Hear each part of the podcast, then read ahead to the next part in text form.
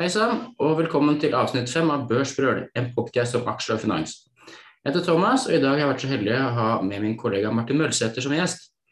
Martin følte fondet First Generator og First Global Fokus, men før han slipper til, en rask disclaimer. Alt som blir sagt i denne podkasten skal bli oppfattet som markedsføring, gjør alt egen analyse. Historisk avkastning er ingen garanti for fremtidig avkastning. Investeringen kan gå både opp og ned i verdi, og det er ikke sikkert du får tilbake ditt innsatsbeløp. Så da setter vi i gang. Velkommen, Martin. Takk Og for det. Og ikke minst gratulerer med den fantastiske utmerkelsen fra Finansavisen. First Generator, Norges beste fond i 2022. Røpe oppskriften, eller må jeg prøve å dra det ut av deg underveis her? Du, jeg kan si så langt jeg kan garantere avkastning med mine fond. Ikke om det blir positiv eller negativ, men avkastning, det får du. Eh, Og det er fordi jeg har eh, veldig konsentrerte porteføljer, og det liker jeg. fordi hvis jeg da har, har en veldig sterk conviction for eh, en aksje, så kan jeg satse ekstra mye på den. Og det tror jeg at over tid at da gjør det det bedre. Selv om det blir mer svingninger sånn på dag-til-dag-basis. Ja, fordi du har mulighet til det med den AIF-strukturen som vi har her i First-fondet. Alternativt eh, investeringsfond, hvordan funker det? Ja, altså da kan jeg ha inntil 15% i en aksje istedenfor uh, 10 Og jeg, har heller ikke krav om at uh, jeg må ha så og så mange aksjer uh, som bare fem, jeg bare kan ha 5% i. Så, så jeg kan ha mye færre aksjer og ha mer i hver aksje. Ja, det er en fordel, fordi vanlig USITS-fondet kan jo maks ha 10% og ha mye mer begrensninger, så det er en kjempefordel. da. Hvert fall med såpass snevert mandat. Men før vi går videre på det, Martin, kanskje du vil fortelle litt om deg sjøl og din bakgrunn? altså Mange kjenner det fra avisen og andre steder, men fortell litt om hvordan du havna inn i aksjer og andre hobbyer du måtte ha. Ja, altså jeg begynte med aksjer da jeg var tolv år. Da- begynte jeg å fatte interesse. Det var Min far jobbet i Blokk Vatne. Han fikk tilbud, tilbud om å kjøpe aksjer til 30 ansatterabatt for 5000 kroner. Så ville han ikke det. Jeg fattet ikke hvorfor han ikke ville det, så da kjøpte jeg for mine egne penger gjennom hans navn. Da. Eh, og tjente mine første kroner på, på aksjer. Eh, og etter det så ble Ja, så har jeg bare fortsatt. det er jo fantastisk gøy. Hva har du jobba med tidligere? Du har jo vært i bransjen i mange år i forskjellige typer roller. Eh, ja, jeg har jo ikke hatt noen foreldre som har hatt noe penger og sånn, så jeg måtte liksom Jeg ville jo helst eh, investere egne midler, men jeg hadde jo ingen penger, så da måtte jeg begynne å, å jobbe først. Så da gikk jeg på Handelshøyskolen i Bergen og, og begynte å jobbe i Enskilda på, som på M&A, Ah, oppkjøp og fusjoner. Og så var jeg, ja, jeg var, før det var jeg Morgan, Stan, ja, Morgan Stanley en tur. I London, eller? Jeg er i London, bare, bare sånn eh, Det var bare en sommerjobb, det på. M&A-avdelingen der. Kom på jobb med pass, og jeg måtte snu i døra rett til, London, nei, til Stockholm på første jobbtur. Innom i ti minutter. Der lærer meg mye. Ja. Og så var jeg eh, i Sunnaal Collier som aksjeanalytiker, og i DNB som aksjeanalytiker. Hvilke sektorer var det du fulgte? Ja, det var råvarer, olje, shipping, og strateg i DNB litt. Grann. Var det det, da? Ja, Det visste jeg ikke. Og så, og så og så var jeg analytiker i First, Fund, nei, First Securities, og så hadde jeg lyst til å slutte. Jeg har endelig tjent meg opp penger, da, så jeg tenkte å slutte å pensjonere meg som 38-åring. Men jeg så at uh, nå kom det til å krasje, og hadde shortet aksjemarkedet for veldig mye penger. Og så kom jo krasjet, og men da begynte finan nei, Dagens Næringsliv bilda med i avisen at eh, nå analytiker eh, satt, er så negativ til markedet. Nå må jeg bare slutte å gjøre dette på egen hånd. Ja, ja. Så da, da hoppet jeg av, men etter noen måneder som, eh, på egen hånd så syns jeg at det ble ufattelig kjedelig å være for seg selv.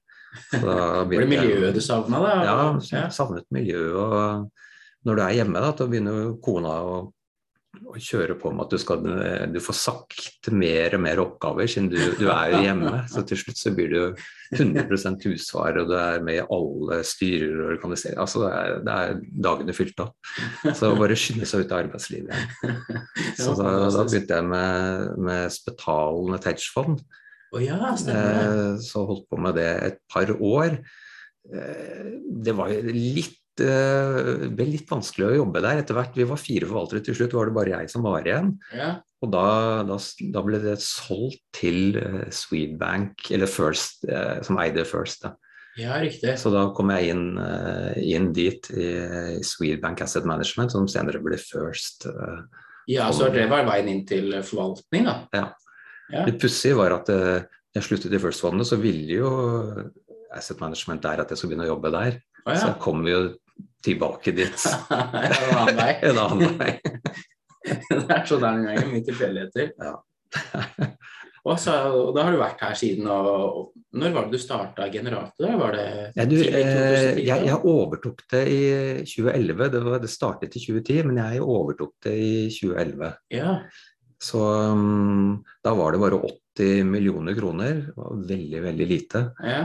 Og um, jeg husker etter å ha holdt på litt, så var vi borte i Stockholm og skulle møte Abu Dhabi Investment Management og sånt. Og de sa at de investerte minimum 1,5 milliard i fondet. Og da, fondet, og da nei, jeg skjønte at jeg, jeg hadde en liten vei å gå. Men det er jo litt fordel med å forvalte et fond som ikke er altfor stort også. Ja, iallfall når man er aktiv, og jeg liker å være veldig aktiv, og da er det veldig fordel å være liten. Ja. Fortell litt om hvordan du er aktiv, da. Eh, Nei, jeg liker jo eh, Jeg snurrer jo rundt Jeg har noen kjerneposisjoner som jeg liker å holde på Det kan være opptil flere år. Ja. Men jeg handler jo også i de posisjonene hele tiden. Litt grann sånn for, Øker og reduserer vekt. Ja, ja, bare også, men også for å bare være ordentlig fokusert, sånn at du ikke skal bli så forelsket i aksjene. Så det hele tiden må kjøpe og selge litt hele tiden. Det er viktig. Og så har jeg en, en del posisjoner som jeg bare har i gjennomsnitt ja, noen dager til noen måneder. Så, men kanskje si 50% av fondet er noen sånne kjerneposisjoner da, som jeg har litt lenger. Det er utrolig viktig det du sier der, å ikke forelske seg i en aksje. Det blir litt sånn sunk cost eh. At hvis man bruker veldig mye tid på noe, så føles det dumt å selge for fordi at tida blir bortkasta. Men at man må være veldig disiplinert på det. Ja, jeg lærte jo det som aksjeanalytiker. Jeg holdt jo på med gruveselskaper og alt mulig rart, og gikk rundt i jungelen på Filippinene og sånt, og kom hjem og trodde jeg var verdensmester på, eh, på f.eks. det gruveselskapet. Men eh, det ble ikke noe bedre, ikke noe sånn veldig bedre aksjeanbefaling av det. Det var det gamle cruiseselskapet. Ja, ja.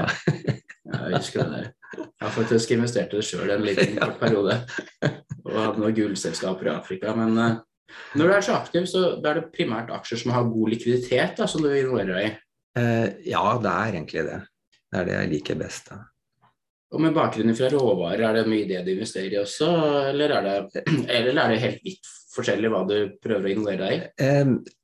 Det, er, det har en, eh, en sånn rød tråd i det jeg liker å investere i. Det er ting hvor det er relativt enkelt å verdsette, verdsette aksjene. Ja. Fordi jeg liker ofte å kjøpe når det blåser som verst, og det virkelig ser forferdelig, forferdelig ut der ute i markedene og ser helt krise ut. Da liker jeg å kunne gå inn og, og kjøpe eller øke posisjonene. Og da, men jeg kan jo ikke gjøre det f.eks. i en sånn teknologiaksje som, hvor det er veldig vanskelig å vite hva er riktig prising. og Selv om den har falt 80% så kan den falle 80 til. Uten at du kan si at den er blitt riktig priset. Det er lettere å forholde seg til at en aluminiumsfabrikk plutselig er priset til 10% av hva det koster å bygge en ny en. Ja. Så man må, man må alltid bruke aluminium til noe, så da vet det er lettere å forholde seg til det.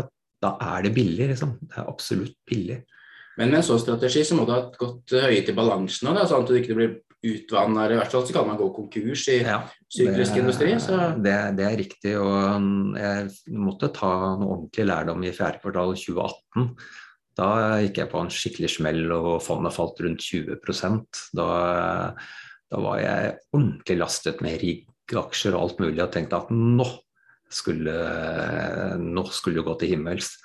Men da, det var da Saudi startet en oljepriskrig, og Trump kjørte på med handelskrig mot Kina, og man presset rentene til minus. Og det var jo bare en katastrofecocktail. Så etter, det, etter den opplevelsen så har jeg faktisk passet på å ha stort sett bare ha selskaper med bra balanser i porteføljen. ja, Fortell litt om eh, selve filosofien din, fordi du har vært inne på det litt allerede med solide balanser, kanskje typisk litt syklisk industri. Eh, hvilke, det blir typisk det er verdiaksjer, men hvordan finner du de? Hvordan klarer du på en måte å snuse opp at nå er det mye aluminium du skal ha, eller olje eller andre råvarer, eller shipping for den saks skyld? da? Ja, altså det jeg liker aller best altså jeg, jeg har litt sånn mean reversen-tankegang. Eh, at ting som har gått bra lenge, vil gå dårlig en stund. Altså først har du sju gode år, så kommer sju dårlige år. Litt sånn veldig røft. Um, fordi hvis det har gått veldig bra med en bedrift i mange år, så begynner det å bli slapp konkurrentene begynner å snappe de beste ansatte. og, og, liksom, og så, så, sånn, sånn, Det er jo sånn konkurransebildet pleier å være. og Da liker jeg å kjøpe de som har gjort det dårlig, dårlig en stund, ja. og folk bare har gitt opp, rett og slett. At det her, det her går bare ikke. Ja, tøff strategi, ja. ja det, det, er det jo fordi, fordi hvert år så ligger jo en liten prising at det skal gå bra med disse selskapene igjen. Ja. Så hvert år det ikke går bra, så gjør du det enda litt dårligere og enda litt dårligere. Så kan vi sittende der med et dårlig selskap som gjør det da dårlig neste år, dårlig neste år, før det plutselig eh, går veldig bra. Eh, mens det motsatte er jo hvis du er flink til å, å, kjøpe selskaper som har gjort det bra lenge, og ri den bølgen, så er det alltid priset inn en sannsynlighet at det plutselig ikke skal gå bra det året kanskje bare kanskje 5% eller 10% men siden det går bra det året òg, så, så, gjør den det ekstra bra det året. Og så kanskje neste år og neste år. Men, uh, da, og da får du en veldig pen, sånn jevn, pen avkastning. Men uh, jeg liker heller Det er ikke jeg så flink til, det er ikke min spesialitet. Da må du ha svære modeller som du har, Thomas. Jeg, ikke, jeg liker ikke det er, ikke, det er, ikke, det jeg er best på. Jeg liker å rote rundt nedi gjørma av de der aksjene som har gjort det dårlig lenge. Ja, ja, men man må finne, Det er mange veier til, til ro. Men jeg er ja, enig i at eh, heldigvis. de aller beste investeringene kan gjøre, må jo være i, i sykliske selskaper når de er på bunn. Eller når, eh, hvis de overlever og du er ordentlig i kjelleren, så kan det bli skikkelig, skikkelig gode investeringer. Ja, og det, og det som har vært veldig spennende nå en stund, det er jo at nå har du hatt hele sektorer, hele bransjer, som har vært under vann lønnsomhetsmessig i mange, mange år, i ti år. Altså disse råvareselskapene og shipping og bank og de her. Ja. forferdelig dårlig lønnsomhet så lenge. Og vi må jo ha disse bransjene framover også. og Da kan vi ikke inn i evigheten ha en lønnsomhet som er langt under eh, hva som skal til for å bare reinvestere kapitalen sin. Da blir det ikke noe reinvestering, da blir det bare utbytter.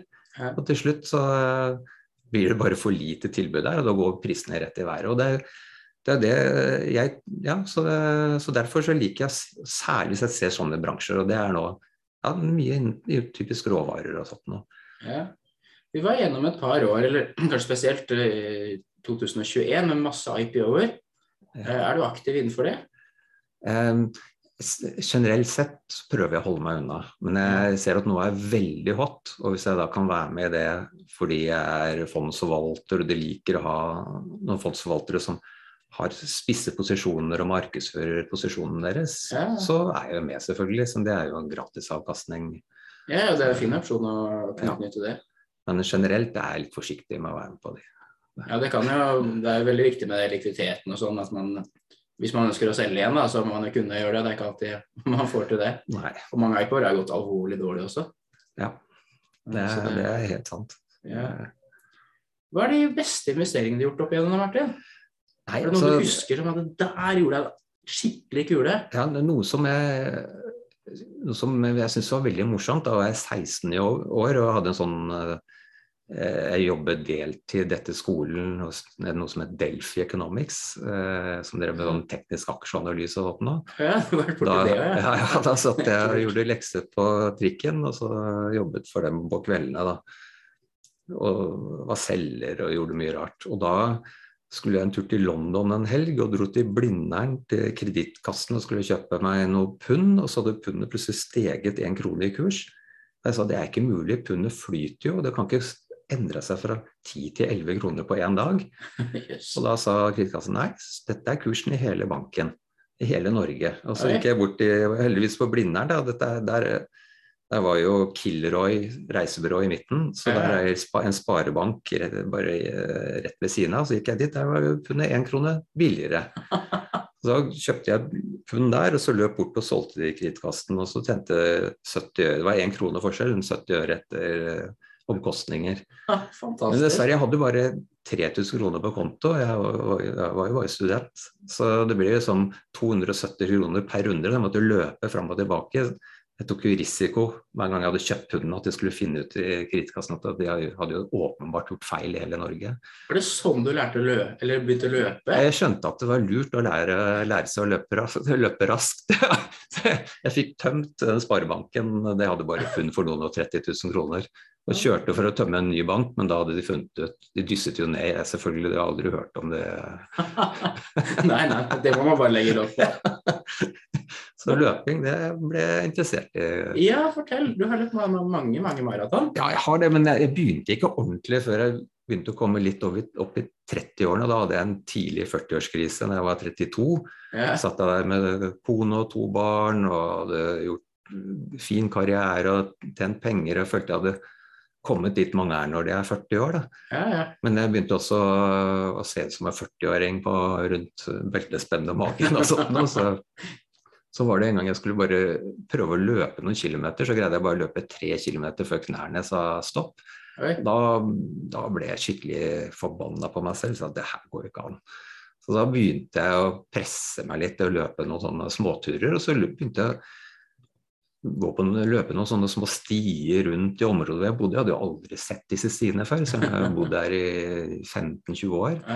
Så da fikk jeg et sjokk. så Jeg fikk en sånn ordentlig sånn god opplevelse av naturen og sånn. Og så merket jeg også at det var ordentlig bra for, mot stress.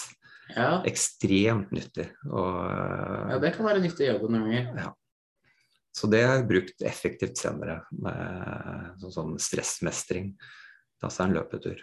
Hvilke maraton er de morsomste du har løpt? Jeg vet du har løpt mange steder rundt på planeten.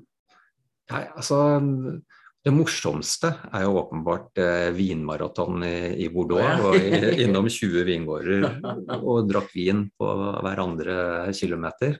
Og du kom deg i mål? Ja, etter seks timer og nesten to flasker vin, så kom vi oss i mål. Men, eh, så det var det morsomste. og det, det, det verste var vel på Nordpolen i minus 40. Det var smerte og smerte, smerte. Løper du med pistol eller gevær, da? Nei, vi hadde sånne russiske fallskjermjegere som passet på oss. Da, ah, ja, for isbjørner? For isbjørner, ja. ja utrolig.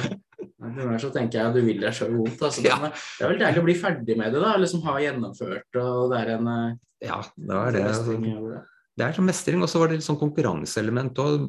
på løping så bare tar de på deg sko, alle kan konkurrere mot alle igjen. Ja, ja. Helt tilbake på scratch. Det er sant. Løping er ganske enkelt sånn sett. Det er ikke masse utstyr og greier. Så det er liksom hvor god du er, er så det resultatet du får også. Det er det. Jeg husker jeg, skulle, jeg var på mitt beste, skulle jeg prøve å få en cashpremie en gang. Oi. Da fant jeg fram til et maraton hvor det var i Stavanger, hvor da, det var en del asylsøkere i Norge der, og de dro rundt og løp. Oh, ja. Der det var mest cashpremier. Ja, så jeg fant et hvor det var ikke var, var noen asylsøkere med, og det var i, i, Stavanger. Så da greide jeg å bli nummer to og fikk 3000 kroner i cashpremie av Marathon Oil. Marathon Oil. rakk akkurat flybilletter fram og tilbake. ja, nydelig. Men Martin, har vi vært gjennom noen år med det har skjedd fryktelig mye. Det har vært eh, pandemi, det har vært kjempehøy inflasjon, det er krig, det er energikrise. Hva tenker du nå, da? Hvordan blir 2023 når du ser på disse tingene framover? Hvilke sektorer og selskaper liker du nå om dagen? Ja, altså, lik, Alle de tingene du liker der, er jo, passer jo mine fond perfekt. Det ja, at det skjer mye? Det skjer mye. Mye kaos. Ja, ja. Så når det ikke er kaos, og alt går i trend og sånn, og Hydro stiger, stiger like mye som Equinor og, og Kahoot, da er det liksom ikke noe spennende da kan du liksom ta et indeksfond. Så de, ja, ja. Det er, når det er ordentlig vondt i magen og sånn, det er da det er, jeg har det som best med mine fond. Ja, det tror jeg på. Det, det, det, skal være litt vondt å kjøpe, da. Ja. Så men framover nå så tror jeg at eh, Jeg tror at, at eh, disse, det forrige tiåret var så vondt for alt av sånn råvarer og energi og sånn, at, at vi ser at selv om det har vært noe liten periode nå med høye priser, så har de ikke fått inn noen investeringer. De har ikke begynt å investere sånn som de har gjort hver gang i tidligere sykluser. Så jeg tror at vi vil få en periode framover hvor de bransjene faktisk vil fortsette å, gjøre det bra. Og spesielt på kort sikt nå, når det ser ut som Kina åpner opp mye raskere enn vi trodde. De bare kjører på nå. Nå har jo over 80% av de i de største byene har jo hatt covid allerede. Så det er, de bare måker på nå. De skal jo virkelig booste økonomien sin. Er det tørrbulk man kjøper, da? Eller Ja, olje? tørr, eller? tørrbulk, eh, kobber, eh, aluminium, olje, alt mulig. Ja. Så og, det er klart, jeg liker jo også særlig råvarer som tas, sånn som kobber, hvor, eh, hvor altså, man, vi tror at det blir et grønt skif, skifte her nå. det må vi, og For å få til et skikkelig sånn grønt skifte, så må vi bygge enormt med ny infrastruktur på strøm. Og da trenger vi kobber. Ja. Men det, er ikke, det kommer jo ingen, nesten ingen kobbergruver. Og om, om et par år framover så er det nesten ingen som kommer. og Det tar, ti år fra du setter i gang med et nytt prosjekt og du får bygget en sånn gruve. Så kommer det til å bli en ordentlig mangel på kobber. Så jeg liker spesielt Boliden man kjøper, eller? ja, Boliden og Lundin eh, Mining kan du Aha. kjøpe. Så den har jeg i min portefølje. den er litt, litt billigere. Så. Ja, ja. Så kobber og råvarer. Ja. Og olje eh, vil holde seg en stund til, eh, det regner jeg med. Så. Ja. Men da tror jeg bare jeg ønsker deg lykke til, Martin, med 2023. Det blir jo vanskelig å toppe det forrige, da. Ja, Men det, det kan hende, som du sier, at det passer deg innmari bra da, med de, de bevegelsene du har i markedet, at det endrer seg fort. Og så du sier at uh, ulike bransjer går veldig usynk, da, så man kan rebalansere mellom de på en aktiv måte, sånn som du er flink til å gjøre. Ja, og jeg, jeg må også påpeke at jeg har ikke bare sånn type aksjer. En av mine største posisjoner er jo Electrolux nå, Global Fokus. Oh, ja. Kjøleskapsprodusenten, ikke sant. Så det, ja, ja. det er jo gått fra å være sånn P20 til P10 og falt 60-70 og det, kanskje litt sånn akkurat du sier at der finner du en sånn som er litt sånn falt masse, er skikkelig vond nå fordi alle har dårligere og ingen skal kjøpe noe nytt, og men kjøleskapet ryker, så må du bytte det. Ja, og den også, har jo vært den nest mest shortede aksjen i Norden nå lenge, så, nå, eh, så det er en ekstra tegn på at her er alle pessimister. Ja, ja, ja. Nei, men Fingers crossed, Martin. Tusen takk for at du ville være med på podkasten. Takk for at jeg fikk komme. Vi snakkes.